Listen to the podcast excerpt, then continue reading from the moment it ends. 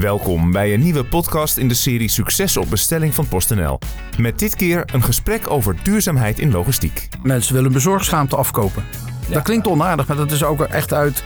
Ze zijn niet, niet zomaar schaamtevol over laten bezorgen. Ze maken zich echt zorgen over zaken als het milieu. Maar duurzaamheid gaat natuurlijk veel verder. Het gaat over ruimtegebruik in de stad, het gaat over verkeersveiligheid. Maar bijvoorbeeld ook de arbeidsmarkt. Aangeschoven bij Marijn Alpers in de studio zijn Wouter Barkman van Bol.com, Walter Ploos van Amstel, expert stadslogistiek en Rogier Havelaar, directeur stadslogistiek bij PostNL. Verduurzaming van de leefomgeving staat hoog op de maatschappelijke en politieke agenda. Consumenten willen in toenemende mate bijdragen aan een betere en gezonder leefomgeving. En ook van bedrijven en online retailers verwachten ze hieraan een structurele positieve bijdrage. Aan de andere kant verwacht de consument steeds meer snelheid en gemak, bijvoorbeeld in flexibele bezorgopties en twee-uurslevering. Daarbij is duurzaamheid voor de consument belangrijk in de keuze voor een bezorgpartij en in toenemende mate. Op geografisch-economisch niveau betekent de toename van de verstedelijking dat efficiëntie en samenwerking in een duurzame logistieke keten steeds belangrijker worden. Op dit moment hebben e-commerce bedrijven nog onvoldoende inzicht in hun logistieke footprint, maar hebben wel enorm veel mogelijkheden om de milieu-impact te verlagen. Kortom, een potentiële differentiator in een sterk concurrerende markt. In deze aflevering van de podcast in de serie Succesvol bestelling van PostNL een gesprek over duurzaamheid in logistiek. Met bij mij aan tafel drie gasten. Wouter Barkman is manager logistiek en innovatie bij bol.com en deels ook verantwoordelijk voor de duurzaamheidsstrategie van het bedrijf. Walter Ploos van Amstel is expert stadslogistiek en als lector stadslogistiek verbonden aan de Hogeschool van Amsterdam. En Rogier Havelaar is directeur stadslogistiek bij PostNL. Welkom allemaal. Heren, met permissie begin ik met een stelling. Om eens even te kijken hoe, uh, hoe, de, hoe de gevoelstemperatuur uh, is. En dat is: in Nederland zal de consument nooit massaal meer willen gaan betalen. voor bestelde producten die in een duurzame logistieke supply chain en last mile aan de voordeur komen. Absoluut. Ja, ik ben het daar ook wel mee eens, denk ik. Ja. Nou, ik vraag me dat af.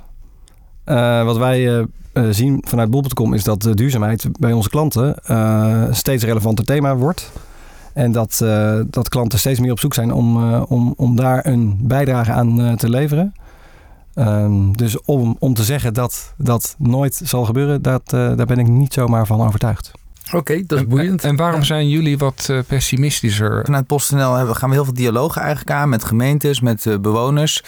En ik merk uh, bijvoorbeeld een tijd terug was ik in Amsterdam op een hele duurzame bijeenkomst. Met, uh, in een zaal vol met mensen die allemaal groene stroom hebben. Die minder vlees eten, die minder vliegen.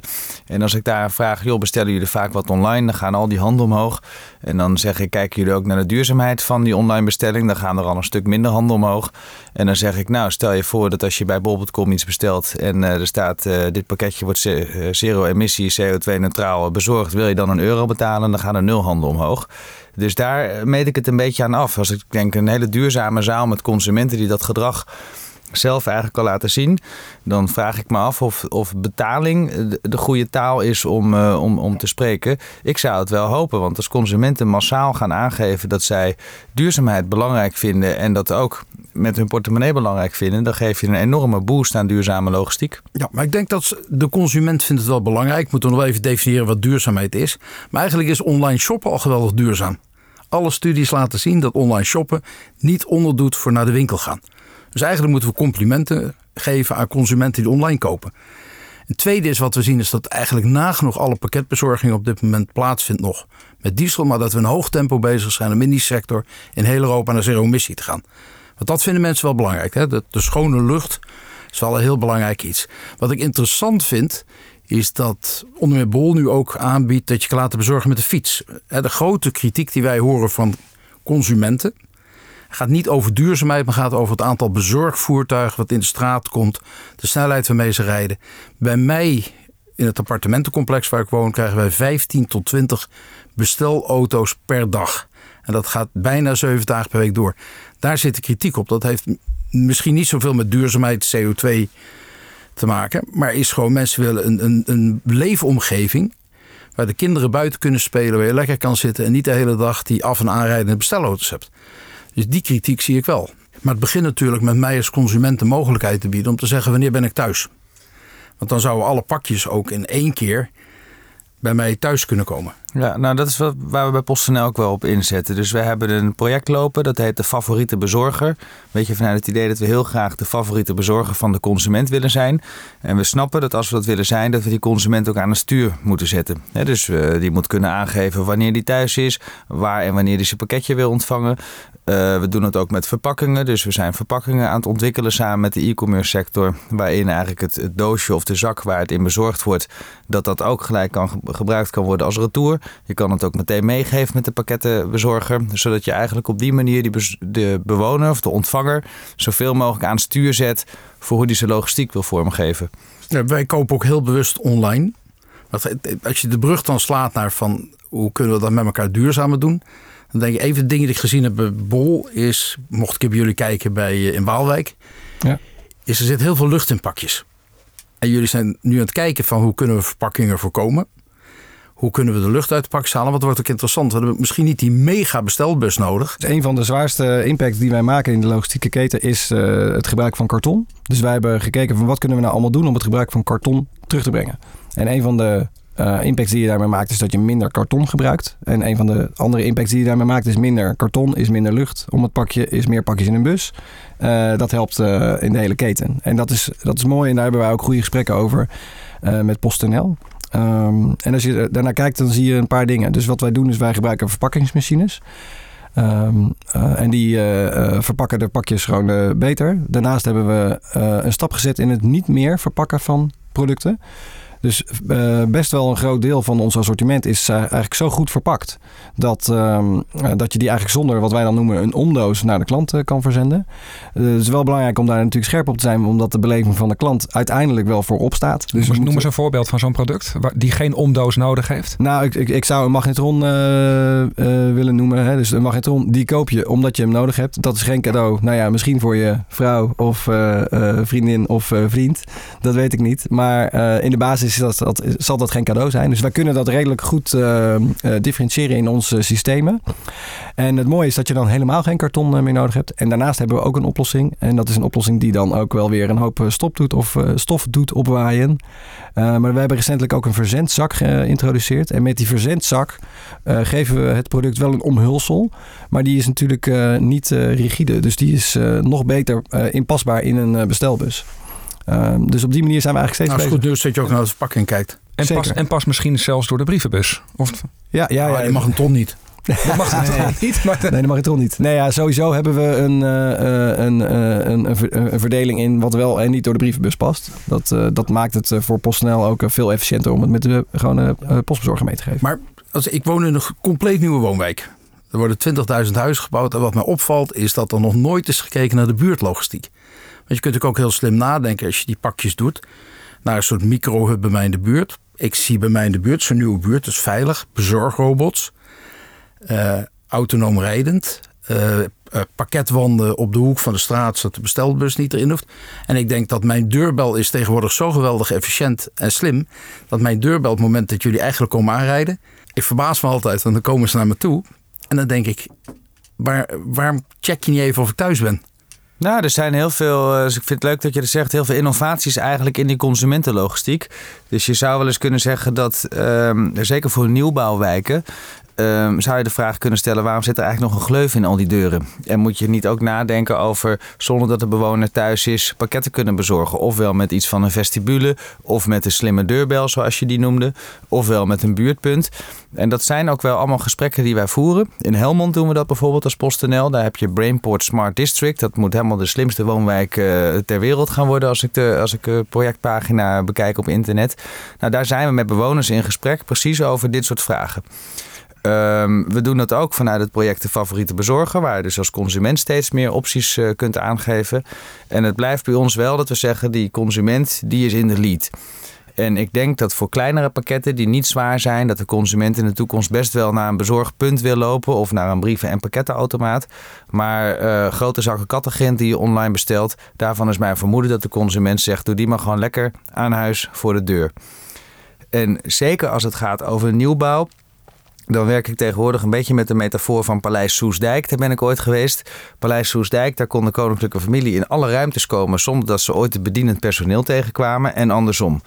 Dus ik zeg tegen projectontwikkelaars van nieuwbouwgebieden, zeg ik ook wel eens veel, je moet niet nadenken over hoe je nog minder e-commerce logistiek krijgt. Hè? Want je hebt gewoon de pakketjes, maar je hebt ook de maaltijden die thuis bezorgd worden, de was die opgehaald wordt, noem het allemaal maar. Dus je moet niet nadenken over hoe je steeds minder verkeersstromen krijgt. Maar je moet nadenken, hoe kan ik een wijk zo inrichten dat al die logistieke dienstverleners door die wijk heen kunnen zonder dat ze tot overlast zijn.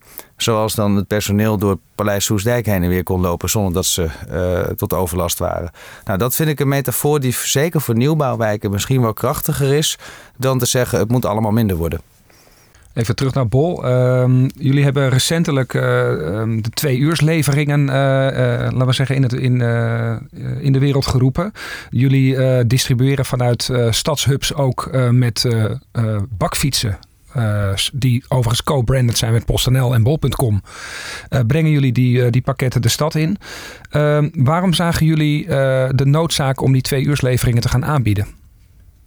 Nou, in de basis is dat een, eh, een, eh, een, een pilot die we hebben uh, opgezet, omdat wij, wij willen gewoon relevant zijn voor de klant. En wat wij gewoon zien is dat de e-commerce klant van, van, van Bob.com, die heeft gewoon hele persoonlijke, specifieke voorkeuren. En een van die voorkeuren, en die voorkeuren die, die waaien gewoon over vanuit de Verenigde Staten naar Engeland, naar het vasteland van Europa, is eigenlijk instant delivery. Hè? Dus je bestelt, je hebt echt iets nodig en uh, dat wil ik gewoon zo snel mogelijk hebben. Bol.com vindt het gewoon belangrijk om voorop te lopen in de e-commerce markt en om dat aan te bieden. Wij willen relevant zijn voor de klant. Wij zagen die ontwikkeling en hebben toen samen met PostNL een, uh, een pilot uh, opgezet. En dit doen wij in Amsterdam. we hebben daar een, een, een, een city hub waar een deel van ons, voor, on, een deel van ons assortiment ligt. In Duivendrecht? In Duivendrecht. Ehm, en, uh, en, en, en daar, vanuit daaruit leveren wij uh, binnen twee uur aan de klant. Uh, we zijn daar ook steeds in ontwikkeling. En dat is ook een van de dingen waarom we dit, dit doen. Hè. Dus we proberen hiervan te leren. We proberen te leren van de klant, van de klantwensen. we proberen te leren van de stadslogistiek, van hoe we dat in de praktijk in zijn werk gaan. We geloven er ook in dat je soms gewoon iets moet proberen zonder dat je helemaal weet of het aan het eind van de rit helemaal gaat uitbetalen. We kunnen niet altijd alleen maar op winnende paarden wedden. Uh, en daarom doen we dat. Um, uh, en dat is, uh, dat is heel erg interessant. Dus we zijn heel blij mee. Wat is de belangrijkste learning voor, voor PostNL uh, als het gaat om de stadshub uh, twee uursleveringen voor bol.com in dit geval? Heb je, daar een, uh, heb je daar inzicht in op dit moment? Ja, ik vind het echt een fantastisch traject. Omdat we ook gezegd hebben, nou op het moment dat je bijna dedicated rijdt voor een paar bestellingen, ga je de stad in. Dan is het natuurlijk zonde voor het weggebruik als je dat met de verlengde Mercedes Sprinter doet. Dus dat doen we met cargo bikes. Of zoals logistieke professionals het noemen, licht elektrische vrachtvoertuigen. Um, waarin we zeggen van nou, dat is niet alleen maar uh, zero emissie, maar het is ook congestiearm. Dus uh, het reduceert de drukte in het verkeer. En als je kijkt naar type voertuigen, dan is onze belangrijkste learning dat je in historische stadscentra of in wijken met heel veel eenrichtingswegen, um, dat je daar best wel uit kan met cargo bikes. Waarom? Op het moment dat het voertuig stilstaat, dan kan je nog gepasseerd worden door een ander voertuig. Um, in andere gebieden zeggen wij voor de grote bulk is het eigenlijk, moet je zoeken naar nog grotere voertuigen, zodat je heel veel pakketten mee kan nemen. En als je dan nog nazendingen hebt, zoals ik dan die twee uursleveringen maar noem, ja, dan moet je weer zoeken naar een voertuig wat daar het beste bij past. Dus in de hele mix van voertuigen en type gebieden, denk ik dat we met uh, Bol Instant, um, dus die twee uurslevering vanuit Duivendrecht voor Amsterdam, dat we een hele goede mix hebben tussen de producten die je vervoert, de klantwens en het voertuig wat we kiezen. En het is heel verstandig van Bol naar twee uur te gaan. Zal niet voor alle zendingen niet alle klanten nodig zijn. Maar instant gratification, meteen iets kunnen krijgen, is toch wel geweldig belangrijk. Snelheid is ongelooflijk key. En de beste manier van snelheid is in één keer goed leveren. Ja, dus in één keer goed leveren is, is cruciaal. Uh, maar dan nog, afvalpunten zijn wel een heel uh, wezenlijke uh, oplossing voor een bepaald, bepaalde groep klanten. Ja, dus wat wij gewoon heel erg zien is dat al die bezorgopties die wij voeren in de, in de winkel, die worden gebruikt door een, een, een bepaalde groep mensen. Nou, we zitten nu op 15% van de zendingen die afgehaald wordt in afvalpunten, lockers, op kantoor worden geleverd. Het is fulfill anywhere vandaag de dag. Weer een Engelse term, ja. Ja, waar, hè, dus bezorgen je pakket of ontvang je pakket waar en wanneer je wilt. Ja. Dat is voor ons de sleutel voor, om, om relevant te blijven voor de klant. Dus het is ook echt wel uh, heel aardig om te kijken. Dus we, bij Bobcom proberen we daar ook breder naar te kijken dan alleen maar naar de impact op, uh, op logistiek. Hè. Dus, dus wat ik net eigenlijk zei, is dat de klantenpanel is heel erg uh, is, is daar echt mee bezig. Dat hebben we echt gezien.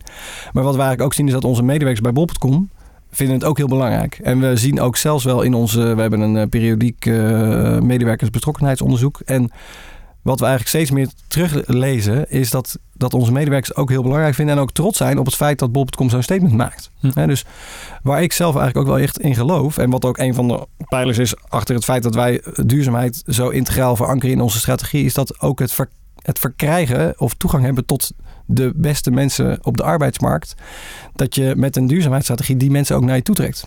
Um, en, en dat is nog maar een ander onderwerp waarom, waarom een duurzaamheidsstrategie echt een heel relevant uh, onderdeel is van je totale strategie. Nou, CIW kan bijvoorbeeld bezorgen met onder meer fietscouriers. Ja.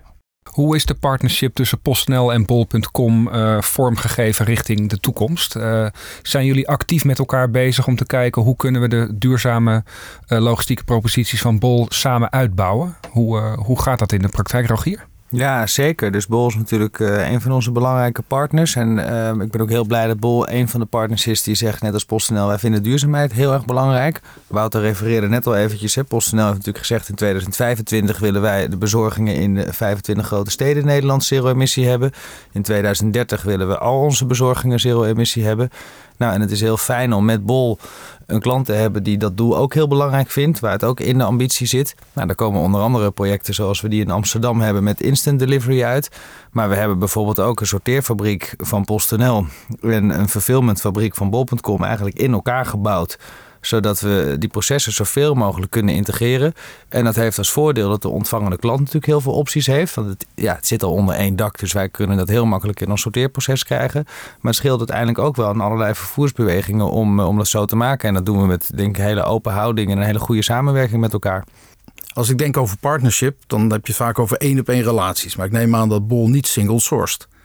Ik neem aan dat je in je verdeling van pakketten meerdere partijen hebt met wie je zaken doet. Wij zien PostNL als onze belangrijkste distributiepartner op dit moment. Dus het overgrote deel gaat met eh, PostNL mee. Maar inderdaad, we hebben ook andere partners. Gewoon omdat we sommige vervoersopties uh, uh, willen. Nou, ik, ik, vraag niet zonder reden. Want als je kijkt naar een aantal van de belangrijke opties in de toekomst... wordt onbemande pakketpunten.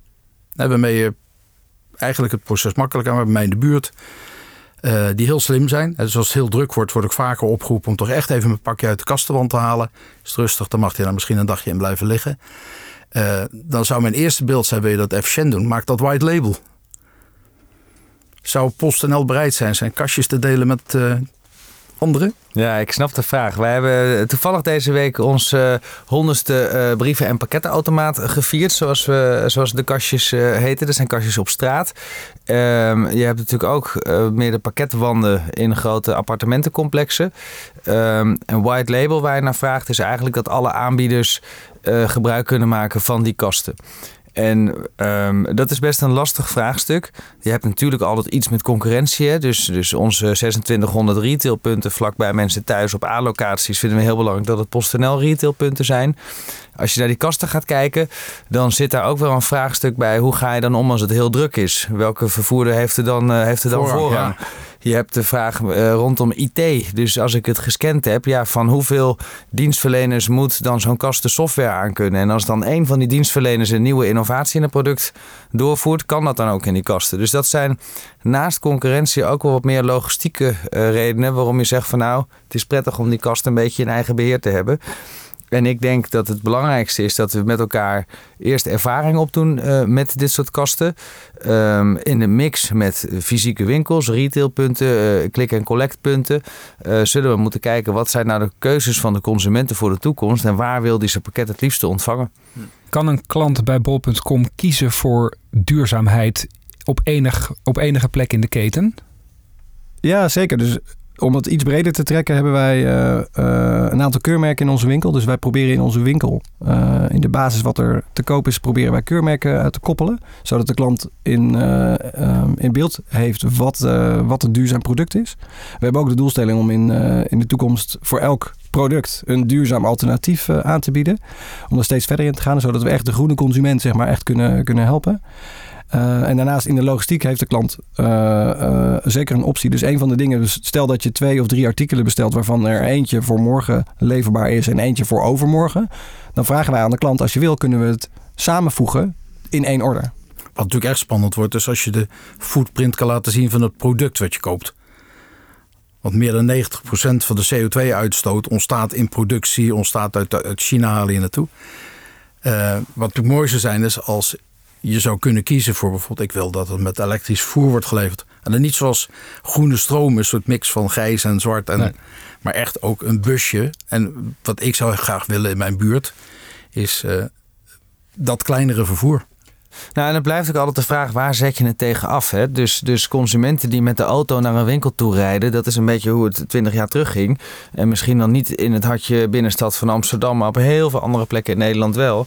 Toen stelden we dit soort vragen denk ik veel minder aan elkaar. Dus het is nu zo verbijzonderd, omdat je heel veel busjes ziet met dezelfde logo's. Volgens Walter zijn al die pakkettenbussen maar 4 tot 7 procent van alle busjes in een stad. Absoluut. En ze doen ongeveer 65 procent van de stops. Daarom zien we ze ook zoveel en daarom is het zo irritant als je er achter zitten. Je kan er niet langs, omdat ze ook niet zo snel door de straten heen gaan.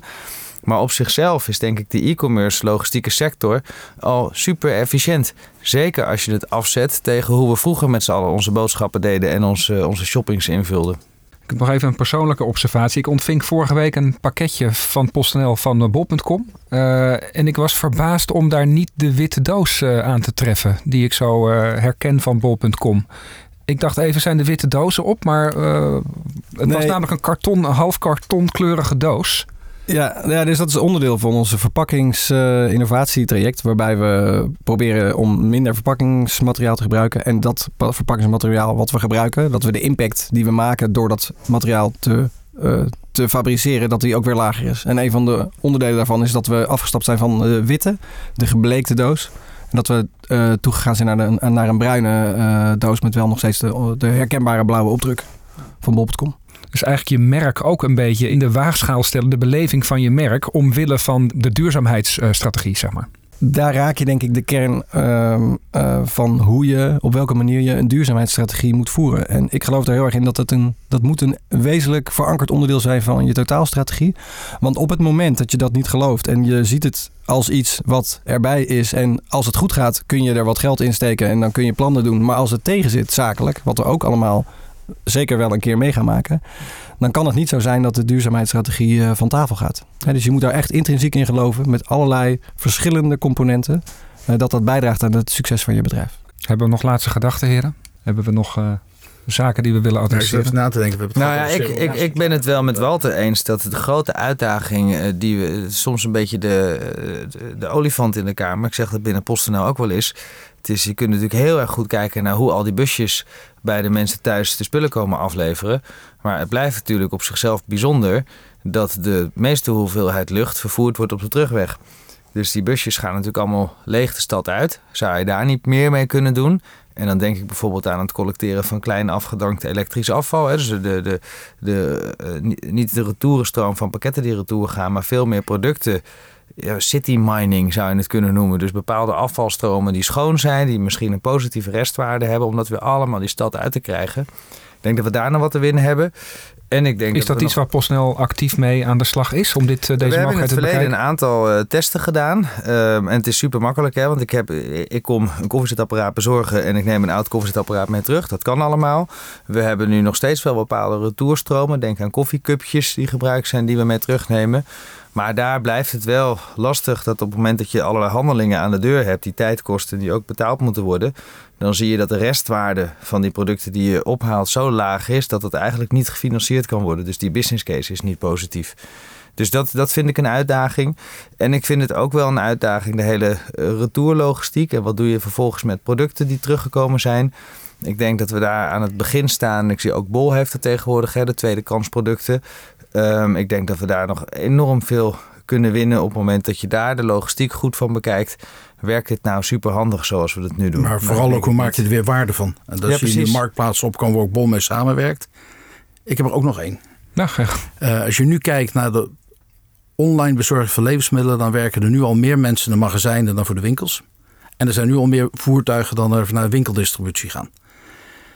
Uh, in aspect van duurzaamheid in de toekomst. Amazon komt permanent negatief in het nieuws over wat er in de magazijnen gebeurt.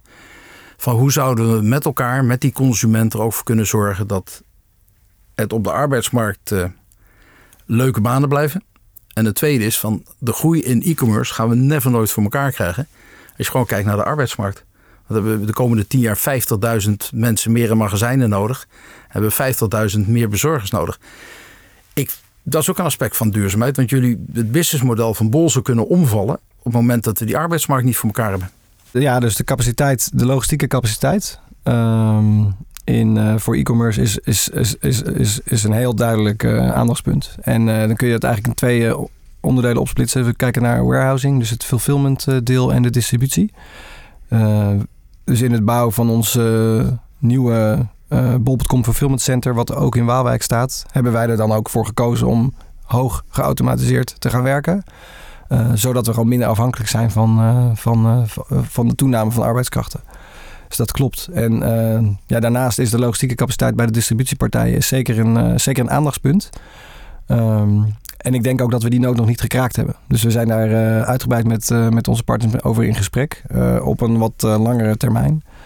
Eh, en er zijn ook weer twee dingen. Dus wat je eigenlijk ziet is dat de piekvorming is, is, is gigantisch. Die was gigantisch, maar dat blijft eigenlijk maar doorgaan. Dus dat verandert eigenlijk niet.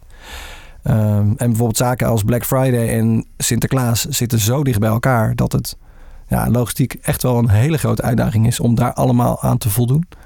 Dus we proberen ook met onze partners en eh, eh, de brancheorganisatie thuiswinkel.org proberen we ook dat gesprek te voeren van op welke manier gaan wij als, als branche om met, eh, met die piekvorming. Maar ik ben ook wel benieuwd, als je bijvoorbeeld kijkt naar Black Friday. Dat is natuurlijk een dag die heel erg op de transactie gericht is, hè, want dan zijn de prijzen lager. Ik vraag me al, dus, dus dat lijkt me ook de primaire reden waarom de consument dan overgaat tot aankoop. Zit er nou bij bijvoorbeeld Black Friday shoppers ook echt de verwachting achter dat het dan op zaterdag bezorgd is? Of denken ze van nou, ik heb mijn deal gedaan en ik zie wel wanneer het komt, als het maar voor Sinterklaas is of zoiets? Ja, dus daar differentiëren we ook in bij Bob.com. Maar wat het vooral het probleem is, is dat eh, het volume wat we genereren door middel van een Black Friday Mhm. Eh, bezorgd moet worden in de periode dat Ja. er ook weer een aanloop is naar Sinterklaas. Ja. En dat is het probleem. Dus we differentiëren daar, we proberen daar wel in te differentiëren. Maar eh, ik, en ik geloof ook wel dat een klant het begrijpt als het twee, drie of vier dagen later bezorgd wordt.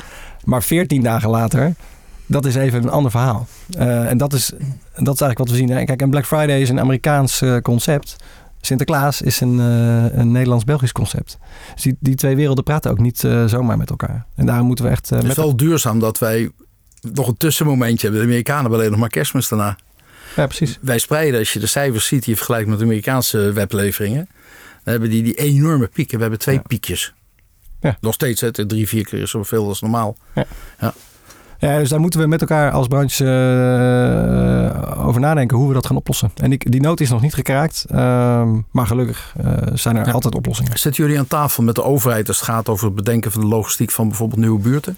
Eh ja, Bob.com als, als, als, als marktleider in Nederland wordt, wordt regelmatig uitgenodigd voor, voor het in gesprek gaan met overheden. Ja. En wat is nou het meest briljante idee dat je hebt gehoord tot nu toe?